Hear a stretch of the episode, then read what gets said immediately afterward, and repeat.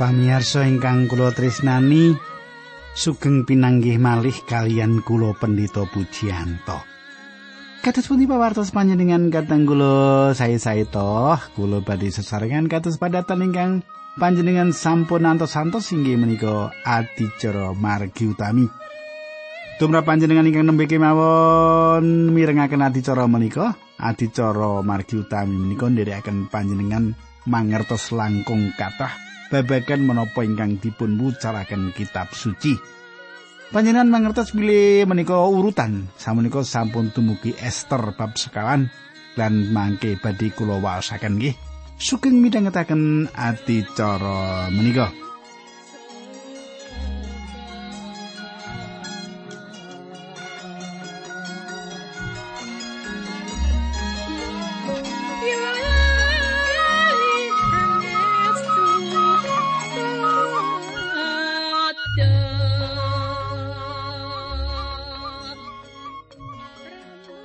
Para pamirsa, duk nalika kepengker kula sampun ngaturaken dumateng panjenengan.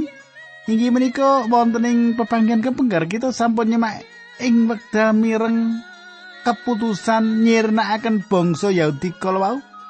Mordekai lajeng susah prihatos. Bengak bengok mriku mriki ngaten nggih. Nah, monggo kita tumungkul kita lajengaken nanging kita ndedonga rumiyin. Duh Kanjeng Rama ing swarga kawula ngaturaken gunging panuwun. Wekdal menika kawula saged tetunggilan kawula saged ngedum berkah wonten ing adicara menika. Linambaran asmanipun Gusti Yesus Kristus kawula ndedonga. Haleluya. Amin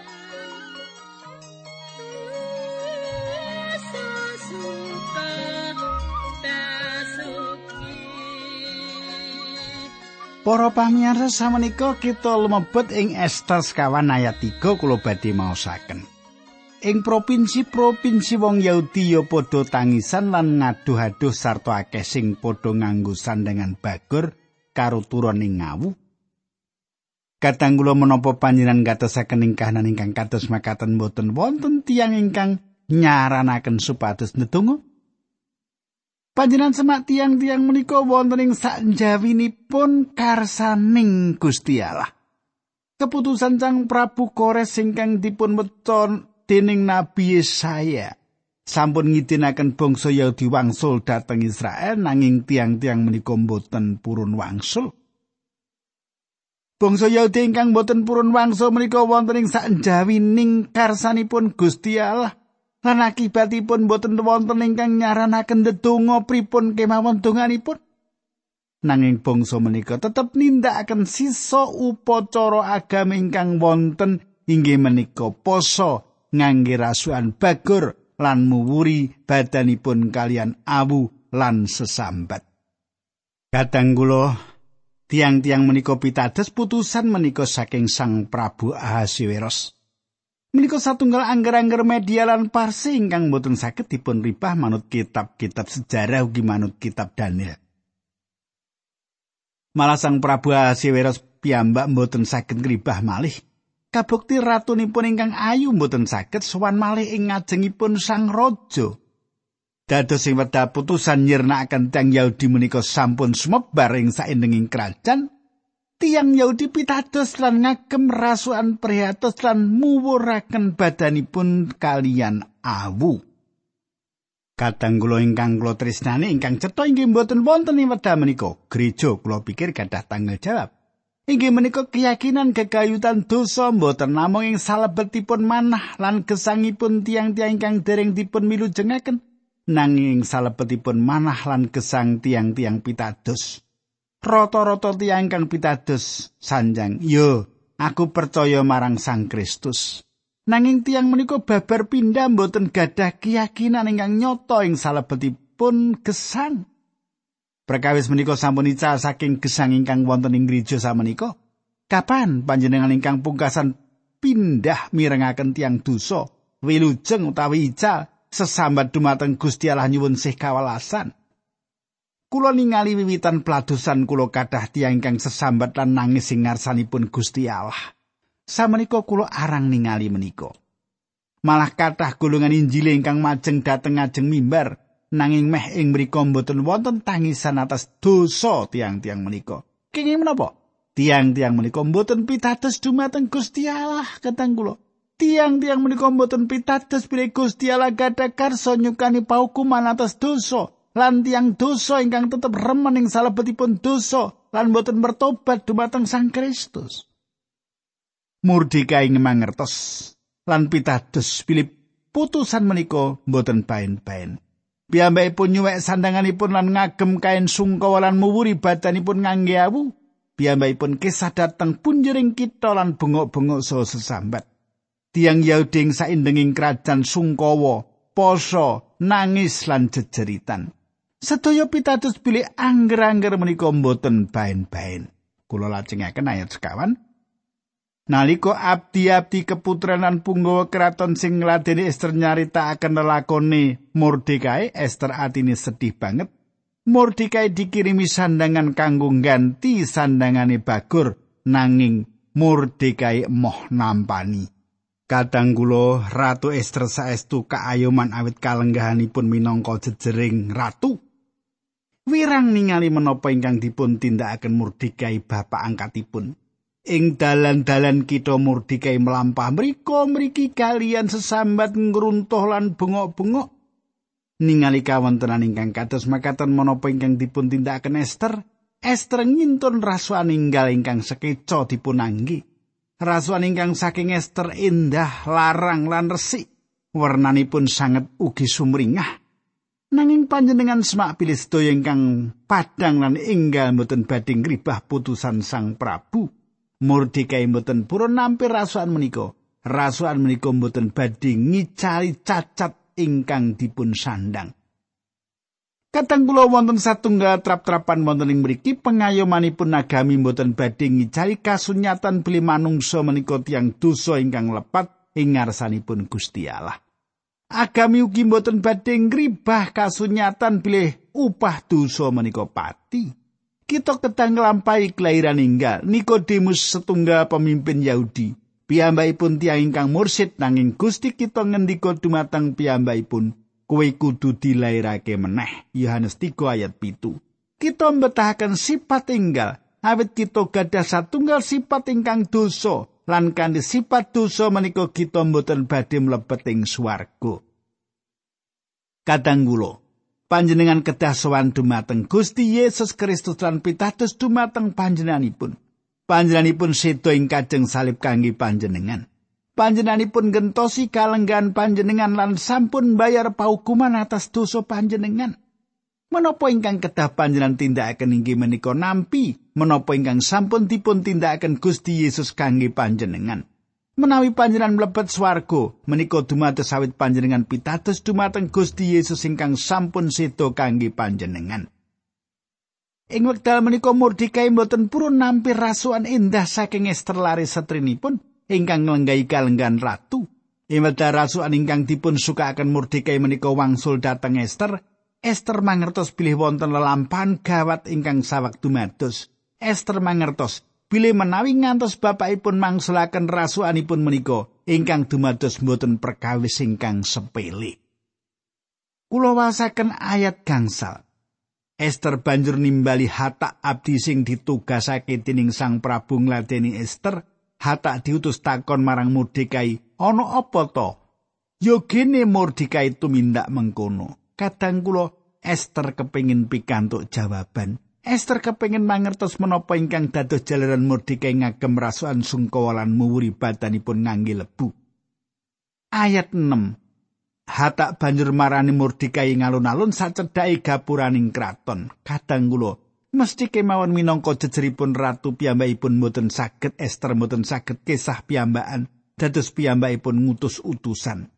Ayat pitu wolu lan songo. Mordikai nyaritakake lalakon sing lagi dialami lan duit sloka pira sing dijanjeke Haman arep disetorake marang kas negara sawise wong Yahudi kabeh kelakon ditumpes. Hatak dikon maca turunane layang sing diserat dening Sang Prabu ing Susan sing isi perintah numpes wong Yahudi kabeh. Hatak dikon nggawa layang mau menyang Ester lan aweh keterangan pisan. Mordekai uga njaluk supaya Ester ngadep marang Sang Prabu nyuwun sih kawelasan kanggo bangsani. Hatak banjur nemoni Esther lan ngaturake apa sing dikandhakake dening Mordekai.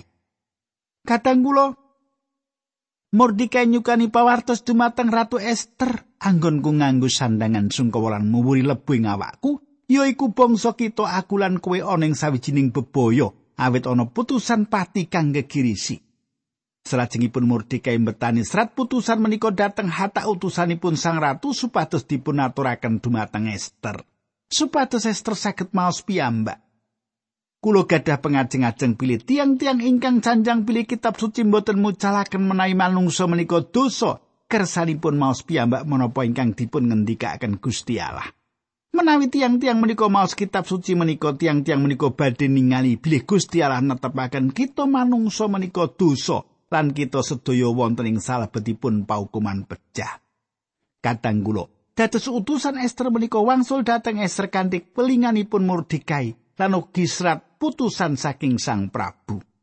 Ayat sedoso nanging hatak dikon bali marang Mordekai karo kondo mengkini. Para pamirsa, sesampunipun Esther mangertos piwelingipun Mordekai lan maos putusan Sang Prabu menika Esther ngintunaken piweling malih. Ayat 11. Saben wong lanang apa wadon sing suwan Sang Prabu ing petaman jero tanpa ditimbali kudu dihukum pati. Mengkono pernatane lan saben wong wiwit saka penasihate Sang Prabu tekan rakyat ing provinsi-provinsi pisan padha ngerti, mengono saperkara sing bisa ngoncati pernatan mau ya kuwi semasa Sang Prabu ngatungake tekene mas marang wong mau, yen kuwi kelakon wong mau slamet nanging wis sesasi iki aku ora ditimbali Sang Prabu. Kadang kula kados ingkang kelampaning saben kerajaan ing jaman semanten sinten kemawon ingkang wonten swan sang raja tanpa dipun ulemi badhe kepatrapan paukuman pecah. Kajawi sang raja ngatungaken teken emasipun dumateng tiang menika. Ahasiweros misuwur gampang duka piyambakipun saged kemawon paring paukuman pecah. Dumateng istrinipun menawi istrinipun swan tanpa dipun timbali. Hingga awis saking menika Esther meling dumateng Mordikai. Ayat 12 hatak nerusake tembunge Esther mau marang Mordekai. Kadang kula salajengipun Mordekai mangsulaken welinganipun Esther menika kanthi seratan ingkang cekap ayat 13 kawan Pak Mordekai banjur akon matur marang prameswari Esther mengkene panjenengan dalam sampun kagungan panginten Bile badhe oncat piyambak saking antawisipun tiang Yahudi dumeh panjenengan dalam wonten ing kraton. Wong Yahudi mesti oleh pitulungan mbuh kepriye carane nanging mesti slamet.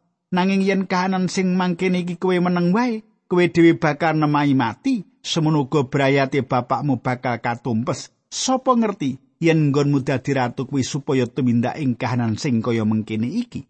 Para pamirsa kita ketak imut pilih wekdal semanten sampun wonten ratu inggalan satunggal putusan sampun boten metang piyambakipun. Esther saged ugi ngimutaken perkawis menika Nanging menawi piyambakipun gadah pikiran bilih putusan menika badhe jangkung piyambakipun, Ratu Esther lepat. Putusan raja menika sampun cetha bilih sedaya tiang Yahudi kedah dipun pejahi. Lan Ratu Esther menika tiang Yahudi Mordekai nyukani penegasan.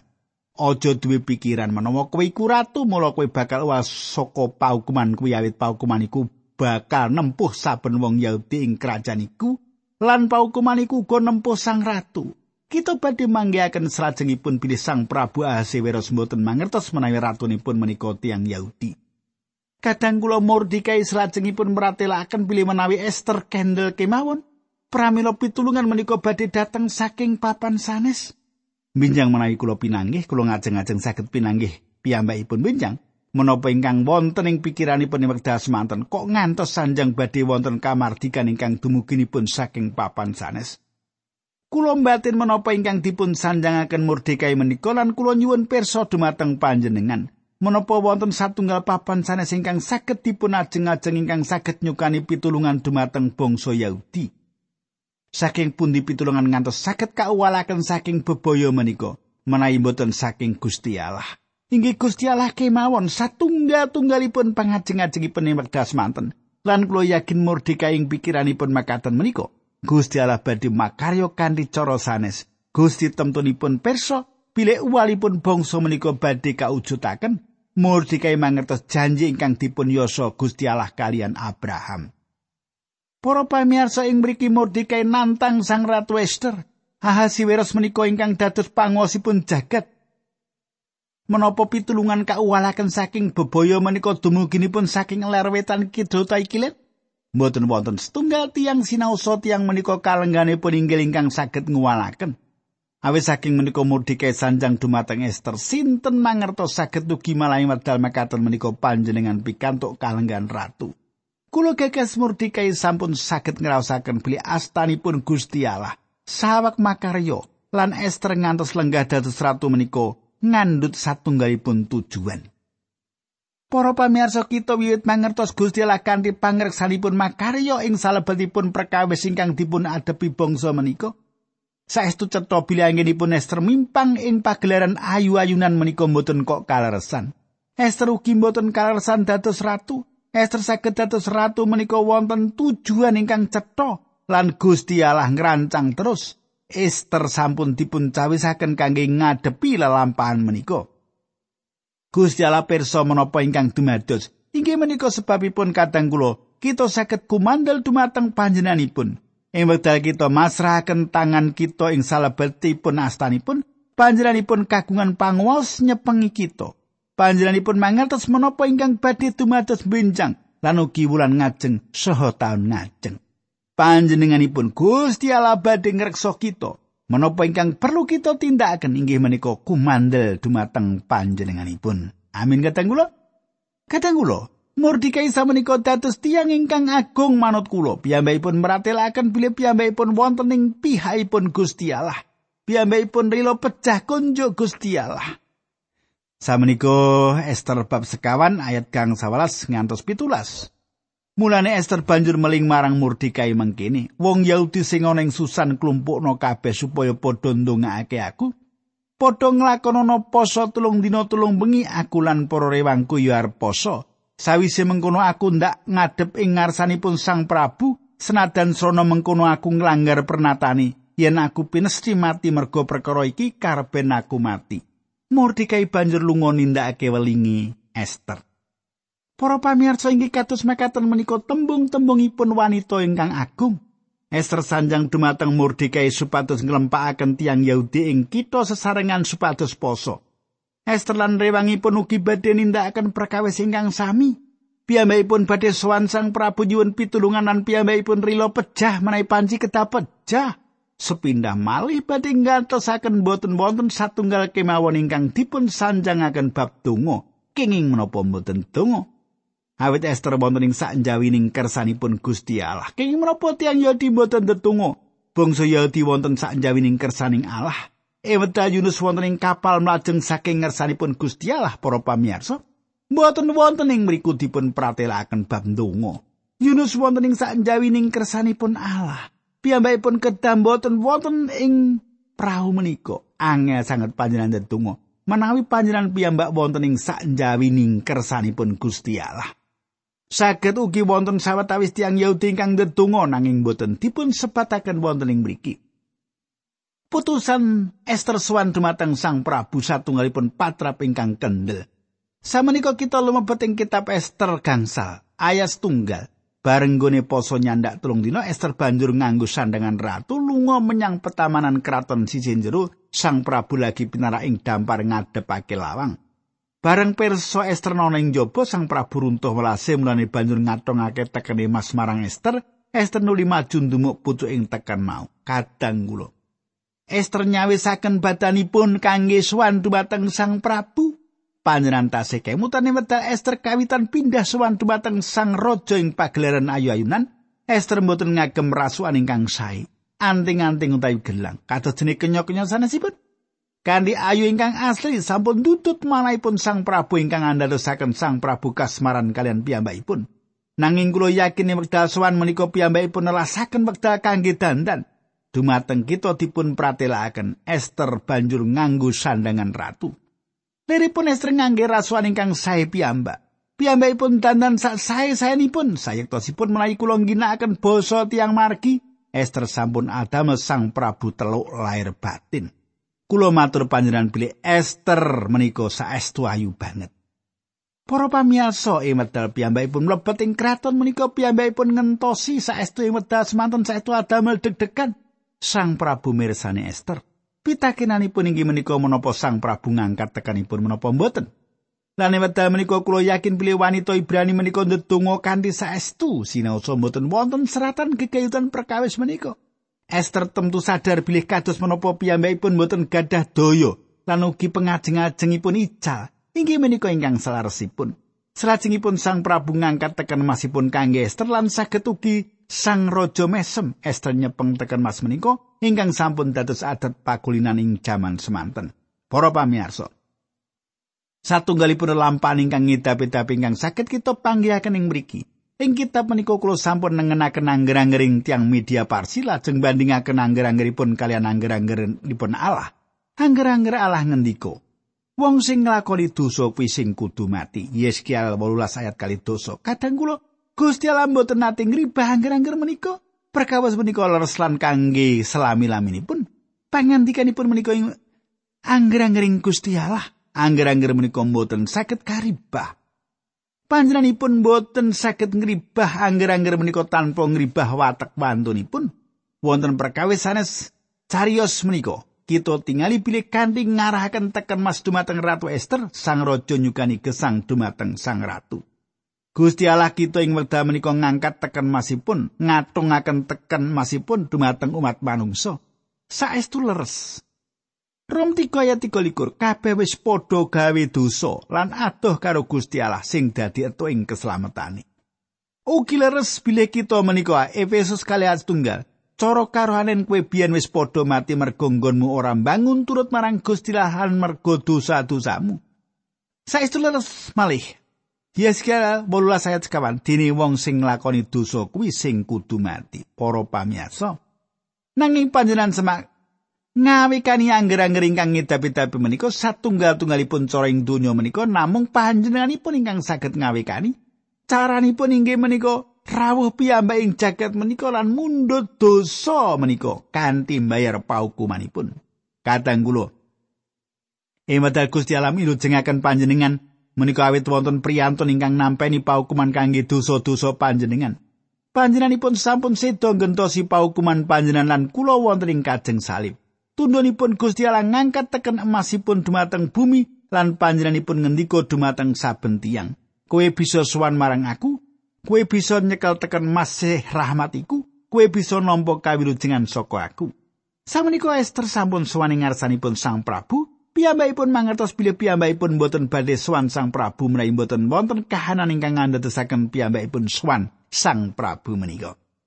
Ayat 3 Sang Prabu banjur ndangu, "Prameswariku ana apa? Kepengin apa? Matura senadan sing kok suwun separone kratonku, ya bakal ndak leksanani." Para pamirsa panjenengan gatosaken, Sang Prabu mangertos Sang Ratu mboten badhe sowan piyambakipun menawi masalahipun namung sepele kemawon. Sang Prabu mangertos wonten satunggal kahanan ingkang ngandhatesaken Sang Ratu mboten jenjem manahipun. Ayat sekawan.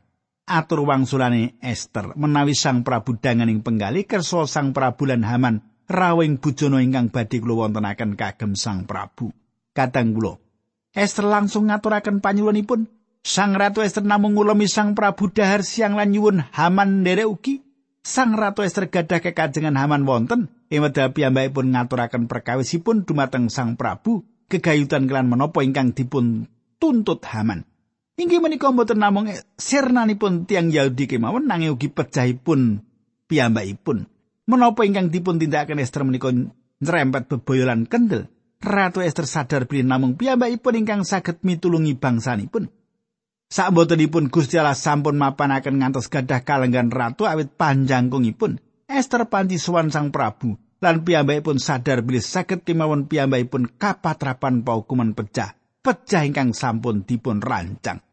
Kadang kula kita sedaya badhe sawani ngarsanipun Sang Raja atas sedaya raja satunggalipun dinten mangke.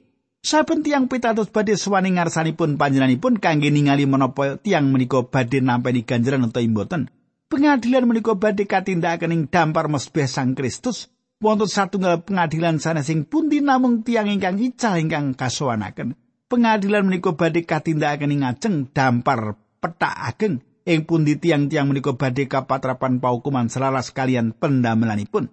Ing wekdal ngangkat teken masipun dumateng Esther, lan Esther nyepeng teken menika kados makaten ugi Gusti Allah ngarahaken teken masipun sih ramatipun dumateng kita jaman samenika. Lan panjenenganipun dawuh kita supados swan lan nyepeng teken masih rahmat menika lan nampani sedaya ingkang dipun paringaken.